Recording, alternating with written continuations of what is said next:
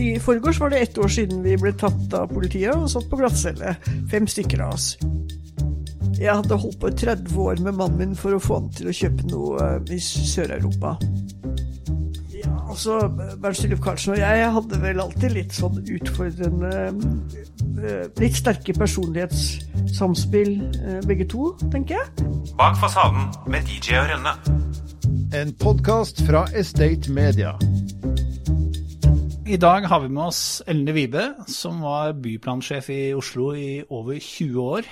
Og jeg må jo si at denne byen har forandra seg skrekkelig mye i løpet av den tiden. Eh, hva er du mest stolt over å ha vært med på? Altså Det som eh, kom meg først i hu, er jo selvfølgelig Fjordbyen. Mm. Eh, det lå jo en prinsippsak om Fjordbyen som jeg mener Høyre vant valget på i ja, 99, tror jeg det var. Um, men det har vært mye jobbing etter det, uh, og jeg er mer og mer fornøyd med det som skjer. Men så er det tre andre ting jeg syns vi har gjort bra òg. Og det ene er at vi har fått en juridisk bindende arealdel. Uh, som uh, jeg mener gjør at verden blir mer forutsigbar for utbyggere og kommunen. Det kan det sikkert være forskjellige synspunkter om. Um, mm. Så er det småhusplanen som vi har revidert, som jo har vært mye omdiskutert, men som jeg mener også gir et bedre og mer forutsigbart plangrunnlag. Og så er det selvfølgelig hele jobbingen med Groruddalen, altså områdeløften og hele den levekårsstrategien som har blitt gjennomført. Mm. Ellen, du er jo utdanna arkitekt. Var det noe du drømte om da du var liten? Ja, ganske tidlig, tror jeg. Jeg hadde en, en slektning som var arkitekt, og så brant det huset jeg vokste opp i av et lynnedslag. Og så tegnet hun det huset som skulle bygges opp igjen. Og da oppdaget jeg at her var det et utrolig spennende felt. Så da var jeg vel tolv eller et eller annet sånt. Men drev du og tegnet mye og holdt på ja, allerede? Ja, jeg gjorde jo det. Og så tok jeg gymnaset på Lillehammer med tegning og kunsthistorie. Altså engelsklinje med tegning og kunsthistorie. Så det bar liksom den veien tidlig. Den siste tiden nå så har jo arkitekturopprøret de har fått mye oppmerksomhet. Hva tenker du om det? Altså På begynnelsen av 80-tallet så inviterte undertegnede um, dette ekteparet Plartis Øybeck og Duani til Norge. Og Henriette Salvesen og jeg var i Miami og så på prosjekter. Og de hadde jo masse fine ideer rundt det å lage byrom, og la bilen få mindre dominans osv. osv. Ehm, men når det ble overført til norske forhold, så ble det veldig mye dette med klassisismen og historiseringen som ble fanesaken for New Urbanism, eller byens eh, fornyelse. Og da Uh, har jeg prøvd å holde en armlengdes avstand til det. Fordi jeg mener at enhver tid må ha en Altså arkitekturen må ha en autentisitet i sin egen tid. Uh, og så kan det være mange stiluttrykk du kan velge, men, og du kan refortolke uh, mange forskjellige måter å gjøre det på. Men det å si at alt skal se ut som 1800-tallsbebyggelse, det tror jeg ikke noe på. Er det, er det litt reaksjonært? Jeg tenker jo det de kjefter jo og gir eh, en del av de prosjektene som du har vært eh, med på å lose gjennom plan- og bygningsetaten. Eh, de er veldig kritiske til en del av det, i hvert fall de som roper veldig høyt. Hva, hva, hva sier du til den kritikken? Altså, Diskusjonen om kvalitet syns jeg er helt relevant. og Derfor så er det jo mange som sier nå at det er bra at arkitekturoppgjøret har satt arkitektonisk kvalitet på dagsorden. Ehm, ved hjelp av en eh, Instagram-markedsfører. Eh, ehm, så den debatten syns jeg er veldig bra. Og jeg syns jo også, for så vidt det var en artikkel her for ikke så lenge siden hvor noen sa at arkitektene tør ikke å diskutere estetikk. Eh, og jeg tenker at det må vi tørre. Pilestedet 77 79 med håndslått uh, tegl og altså fugemasser som flykter, og asymmetriske fasader som etter hvert blir symmetriske når det nærmer seg det gamle bebyggelsen osv. Det bør vi nok være flinkere til å diskutere. Men så tenker jeg at Det som arkitektstanden sier, er at arkitektur er mye mer enn fasader. Og det vet jo byggebransjen veldig godt også. Um, klima, eh, brukbarhet i planløsninger osv. Um, du kan ikke erstatte liksom alle de komplekse forholdene med en diskusjon om søyler og, og frontispiser på fasader. Da tar vi en kort pause for å minne om at BN Bank er spesialisten på finansiering av næringseiendom i Oslo-regionen. BN Bank er en rendyrket eiendomsspesialist og kjennetegnes av hurtighet, fleksibilitet og forutsigbarhet. Gode løsninger sikres gjennom medarbeidere med høy kompetanse og sterke relasjoner til kundene. Kontakt BN Bank nå. Men er det noe særlig å bo i noen av de skoboksene som er satt opp der? Ja. Um, jeg mener at det er mange gode prosjekter. Dere har jo sett de som nå er fremmet, ikke sant. Uh, og det er klart at um, um, Krydderhagen på Hasle, Vinslottet på Hasle Jeg mener at det blir litt sånn arrogant å si til folk at dere bor i stygge omgivelser. Um, sånn at jeg mener det er mange gode prosjekter som er bygget. Altså Ulsvollsveien, uh, uh, første etablere boligene. Jeg tror det er mange flere man kan diskutere. Men det er vel også sånn at arkitektonisk utforming ikke når veldig høyt opp. Hvis du Jeg overvar en sånn sam, uh, samspillskontraktwebinar her om dagen.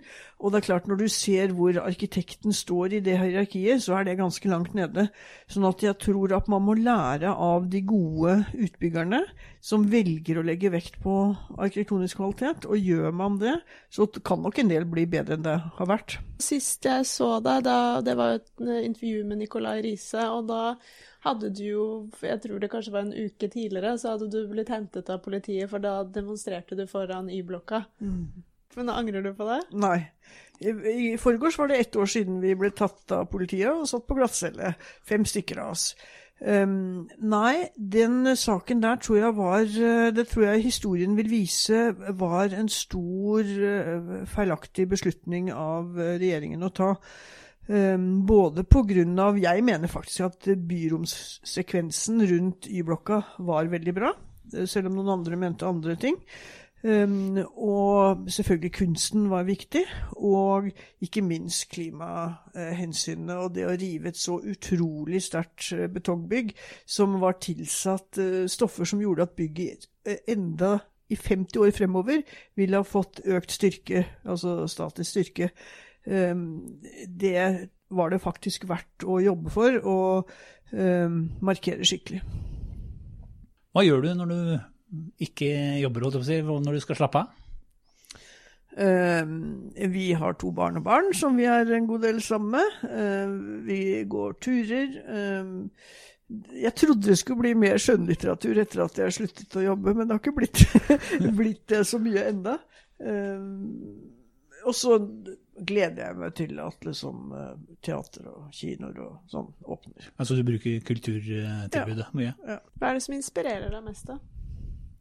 Du vet, Det har alltid vært det med arkitektonisk kvalitet. Eh, eh, fra skjønnhetsparagrafen ble forandret og eh, eh Anders Evjent, juristen, og jeg holdt på et år å skrive rundskriv, og jeg skrev denne veilederen på 100 75 sider, og vi dro rundt og hadde opplæring for 1000 politikere og, um, og administrasjon rundt i Norge uh, til å være medlem og leder av Statens byggeskikksutvalg. Og um, 20, vi etablerte jo Arkitekturprisen for Oslo, um, som vi har hatt i 20 år. Uh, forbildeprogrammet, var jeg jo delaktig i å få til. og Eh, nå denne debattboka om FNs bærekraftsmål. Det, så det er liksom verdibasert arkitekturfag som liksom tenner meg mest. Um, og så har jeg jo en holdning til at det offentlige skal være samfunnsbygger. Uh, vi kan ikke bare være papirskyflere og forvaltere. Vi må på en måte være pådrivere i det som skal skje.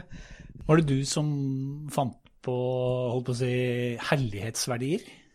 Altså, Det kom jo egentlig fra Jan Gehl, eh, ja. og, så, som først snakket om det. Men vi har jo brukt det mye eh, i planarbeidet vårt. Men hvordan kan man måle det? Jeg tror jeg, jeg tror jeg skrev en leder en gang hvor jeg faktisk eh, eh, ja, eh, gjorde nesten litt narr av det pga. at jeg skjønte ikke hvordan jeg kunne måle det. Nei. Du kan jo Det er jo mange ting i byutvikling du ikke kan måle. Altså Ja. hvordan folk trives og ikke trives. Um, herlighetsverdier er jo det å se etter denne tomta, dette området, denne, dette byområdet. Hvor har vi mulighet til å få til noe som er flott for folk flest? F.eks. stasjonsanvendingen. Solfylt. eh, eh, Rause havnepromenader. Eh, Det kan være et lite utkikkspunkt på en tomt eh, osv. Um, så det går på å liksom se hvor ligger potensialet i det området du skal planlegge, for eh, noen opplevelser som du vanligvis kanskje lett overser. Her hører du noen av de 3500 ansatte som jobber i For Service. Menneskene er vår viktigste ressurs og suksessfaktor. Så når For Service er opptatt av bærekraft, handler det også om den sosiale delen, menneskene. Gjennom rekruttering, nye arbeidsplasser, kompetanseheving og riktige samarbeidspartnere jobber For Service for å gi muligheter til mennesker. Også de som i dag står utenfor. Alle må starte et sted. Les mer på forservice.no. Jeg har jo hørt at du er eh, ferienabo med eiendomsadvokat eh, Stig Beck. Er du ikke det? Ja. ja. Eh, har det hendt at dere har spist lunsj eller middag eller gjort noe sånt? Ja, det har nok hendt. Det morsomme var at jeg hadde holdt på i 30 år med mannen min for å få han til å kjøpe noe eh, i Sør-Europa. Og så eh, hadde jeg snakket med han Hereros, Munch-arkitekten, og spurt liksom hvilke landsbyer og sånn i Spania som er fint. Og så landet vi i Barcelona og dro til Begur. Eh, og sto opp om morgenen og gikk ut og kikket, og så plutselig så er det noen som sier 'Hei, Ellen'. Og så var det Stig Bech, og så hadde de hatt, eh, hatt eh, feriested der i 15 år, tror jeg. Og så så vi på noe, men så dro vi videre oppover kysten, opp til Les Arcs i Frankrike. Og der holdt vi på å kjøpe et rekkehus med et bitte lite svømmebasseng. Og så kom jeg hjem, og så sa datteren min, hvis svigermor har bodd lenge i Provence Mamma, du må ikke kjøpe noe i Spania. Overpriced, underserviced og overcrowded. Så gikk jeg til mannen min og sa Han var nesten klar til å signere kontrakten. ikke sant? Så gikk jeg til mannen og sa det blir ikke noe i Frankrike. Å, så blir ikke det. Og så ble vi enige om at da skulle vi teste ut Begur. Så dro vi en sommer og leide noe i sentrum av Begur. To uker, nei, eller én uke. Og det samme mellom havet og øh, denne middelalderbyen, da. Eh, og så plutselig en dag gikk vi forbi et, et hus med tolv leiligheter hvor um, tegnet av en kjent uh, spansk arkitekt. Uh, og så Der stakk noen ben opp, og det var en engelsk dame. Og så sa han 'kom og se på utsikten'. Og så kom vi og så på utsikten, og da ble mannen min helt stille, og da var det gjort. Men er det mange av disse utbyggerne som har drevet og smisket med deg opp igjennom? Uh, altså For det første vil jeg si jeg har aldri opplevd f.eks. noe som har lignet altså korrupsjonsfremstøt. Det har jeg veldig lyst til å si. Så er det sikkert sånn at folk uh, eh, kan være litt blidere fordi, fordi de visste hvilken jobb jeg hadde. Kan du si noe om hvem eller hva slags type som er utvikleren fra helvete? Jeg regner med det, det er jo litt av hvert dere eh, traff på da du jobba i plan- og bygningsetaten? Altså Det jeg tror er viktig, er jo at det er en slags gjensidig respekt for de ulike rollene man har, og den ulike kompetansen man har. Um, og de uh, utviklerne som evner det, um, er jo alltid mye enklere å jobbe med enn det motsatte. Og noen ganger så kan utviklere velge noen rådgivere som ikke bidrar til dialog, da.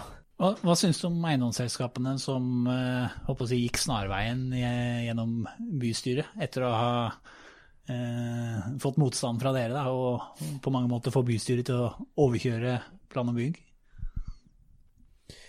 Eh, For det første vil jeg si at uh, vi lever jo i en politisk virkelighet, sånn at det å snakke med politikere er jo ikke forbudt. Uh, det er klart det har vært jo en del saker litt tilbake i tid hvor, uh, hvor man kunne bli frustrert, hvor jeg kunne bli frustrert over at eh, eh, både byråd og bystyre mente noe annet. Eh, Du kan ikke være eh, altså eh, byråkrat i så mange år uten å kunne leve med det. Eh, Men samtidig så vil jeg si at jeg syns jo stort sett at veldig ofte så har de politiske oppdragsgiverne våre ønsket og villet og har bestilt kvalitet. Um, og det er klart at det å ha et slags tillitsbasert forhold mellom politiske oppdragsgivere og administrasjonen er utrolig viktig, for ellers så får du iallfall ikke til noe. Um, ja, jeg tenker det er svar nok. Eh, Filipstad har jo Det har jo vært eh, holdt på si, lang prosess og mye frem og tilbake i eh, snart to tiår. Eh, var det noe personkjemi og sterke personligheter som holdt på å si eh, bidro til at det på mange måter blei litt krasj der? Kan du si noe om det? Ja, altså, Bernt Stilluf Karlsen og jeg hadde vel alltid litt sånn utfordrende eh, Litt sterke personlighetssamspill, eh, begge to, tenker jeg. Um, eh, sånn at det, det, Men dette er egentlig noe som går igjen i veldig mye av Europa. Altså Når vi har truffet planleggere og folk som holder på med Og også havnevesen som holder på med byutvikling rundt omkring i Europa, så eh, har det ofte vært sånn at havnevesenet eh, altså Jeg pleier å si at etter krigen så var det liksom eh, Statens vegvesen og havnevesen og Kystverk og sånn som liksom eh, var samfunnsbyggerne. Og så etter hvert så i, måtte Statens vegvesen innse at de drev ikke bare og bygde vei, de drev også og bygde steder. Og de la om ganske mye av sin tilnærming til å f.eks. bygge gater istedenfor Mm. vei og sånne byer. Og så Forsvaret har på mange måter måttet omstille seg og stille sine areal til disposisjon altså av andre årsaker. Eh, Og havnevesenet har vært de siste etatene som på en måte har måttet se at de er ikke en stat i staten, men de er en del av den offentlige forvaltningen og eh, ja, aktørbildet på byutviklingssiden. Brekkhus advokatfirma rådgir norske og internasjonale kunder innen en rekke sektorer. Våre eiendomsadvokater kjenner eiendomsbransjens muligheter og utfordringer, og bistår ulike aktører i utviklingsprosjekter, transaksjoner, megling, utleie og tvisteløsning. Vil du høre mer? Kontakt oss på post at breikhus.no. Nå så har du jobbet eh, en del på utviklersiden. Eh, hvordan syns du det er? Um, nei, jeg, jeg trives jo godt med det. Um, jeg um, pleier å Jeg har jo takket nei til noen oppdrag hvis det er saker som var der i etaten og jeg var der, og det var stor konflikt. Altså, eh, jeg venter med å gå inn i saker til de sakene er mest mulig avsluttet, da. Men jeg syns det er spennende, og så tenker jeg at i går så hadde jo OMA eh, dette smultringwebinaret sitt, altså Donut Economies. Um, og det er klart at jeg tror nok at det ligger en ganske stor utfordring for byggebransjen fremover knyttet til um, å få til en praksis som ligger innenfor planetens tålegrense, for å bruke litt sånn storslått ord. Um, jeg tror byggebransjen er langt på vei inne når det gjelder liksom, eh, gjenbruk av bygningskomponenter osv., men det er nok mer som går i forhold til den sosiale bærekraften, som jeg tror også byggebransjen må, um, eh, må ta inn over seg. Men det er jo spennende å diskutere med, med eh, de som skal bygge, da. Men jeg tenker nå når du liksom har vært der på den andre siden, Ja.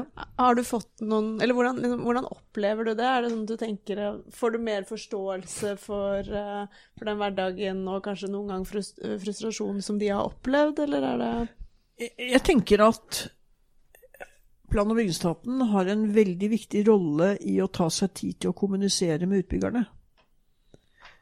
Tror jeg. Um, at ting tar tid, tror jeg man må leve med. Men det å eh, drifte etaten sånn at man faktisk driver tidlig avklaring og veiledning osv., tror jeg er viktig. Men Apropos tid, i hvert fall en del av de tilbakemeldingene vi har fått fra mange utbyggere nå, er jo at ting tar enda mer tid. Er det Det skal ikke jeg kommentere, det må Nei. du spørre nåværende etatsdirektør om, tror jeg. Ja.